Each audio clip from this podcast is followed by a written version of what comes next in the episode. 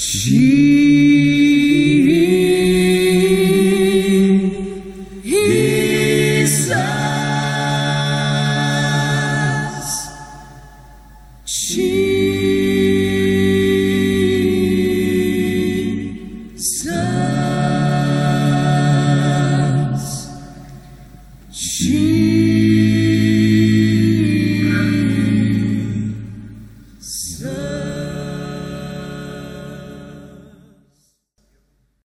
Välkommen med på en spännande resa med Jesuspodden. Dagens avsnitt heter Byt liv, Guds rike är här. Då Jesus bodde i Galileens bergstrakter predikade Johannes, den så kallade döparen, i öknen i Judeen. Hans budskap var lika enkelt och strängt som öknen. Byt liv, Guds rike är här, sa han. Johannes gick omkring i en tunika av kamelylle som höll samman av ett läderband runt midjan. Han livnärde sig på gräshoppor och honung från vildbyn. Från Jerusalem, Judeen och Jordans stränder strömmade folk till för att lyssna och titta på honom. Och de som kom dit för att bekänna sina synder döptes i Jordanfloden till ett förändrat liv. Jag döper här i floden, här kan ni byta ut era gamla liv mot liv i Guds rike, sa Johannes.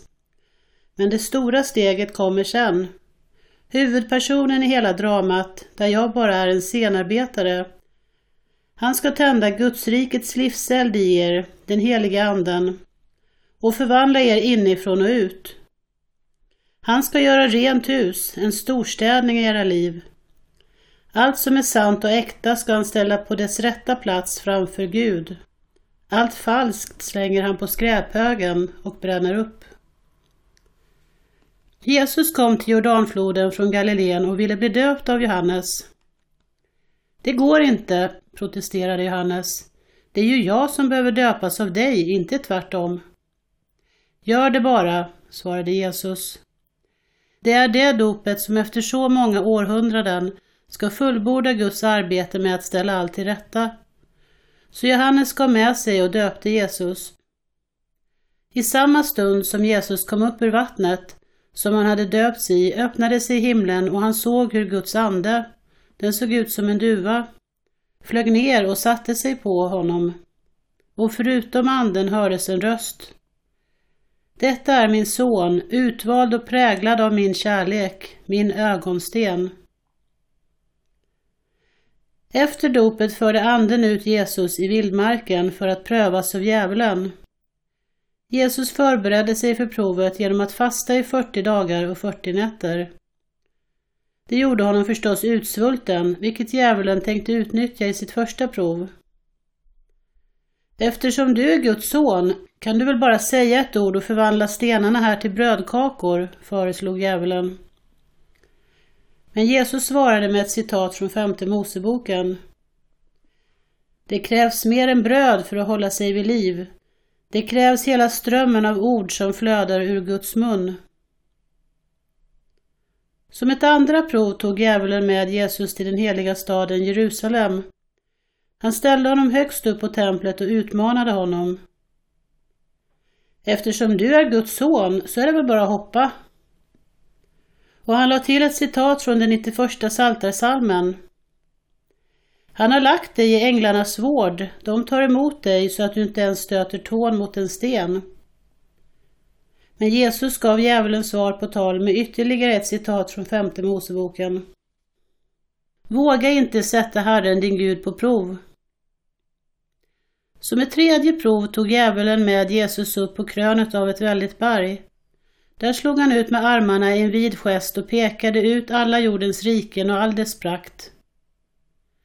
Allt detta kan bli ditt, rubb och stubb, allt utan undantag. Fall bara ner på knä och tillbe mig, så är alltihop ditt, sa djävulen. Stick härifrån, Satan, svarade Jesus. Tillbe Herren din Gud och ingen annan. Tjäna honom helhjärtat, helhjärtat. Och med det sista citatet från femte Moseboken var provet över. Djävulen försvann och änglarna kom. och de gav Jesus allt vad han behövde. Nu när Jesus fick höra att Johannes hade blivit gripen återvände han till Galileen. Han lämnade sin hemby Nasaret och flyttade till kustsamhället Kapernaum vid Galileiska sjön vid foten av Sebulons och Naftalis berg. Den flytten uppfyllde Jesajas profetia där det står Sebulons marker, Naftalis marker, på vägen till havet bortom Jordan, Galileen där utlänningarna hålls. Folket som hade suttit i mörkret hela livet fick se ett väldigt ljus. De som satt i dödens bäckmörka trakt såg solen gå upp.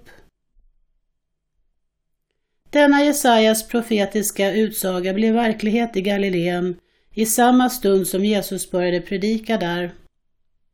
Han började där Johannes slutade och sa Det är dags för ett nytt liv. Guds rike är här. Jesus.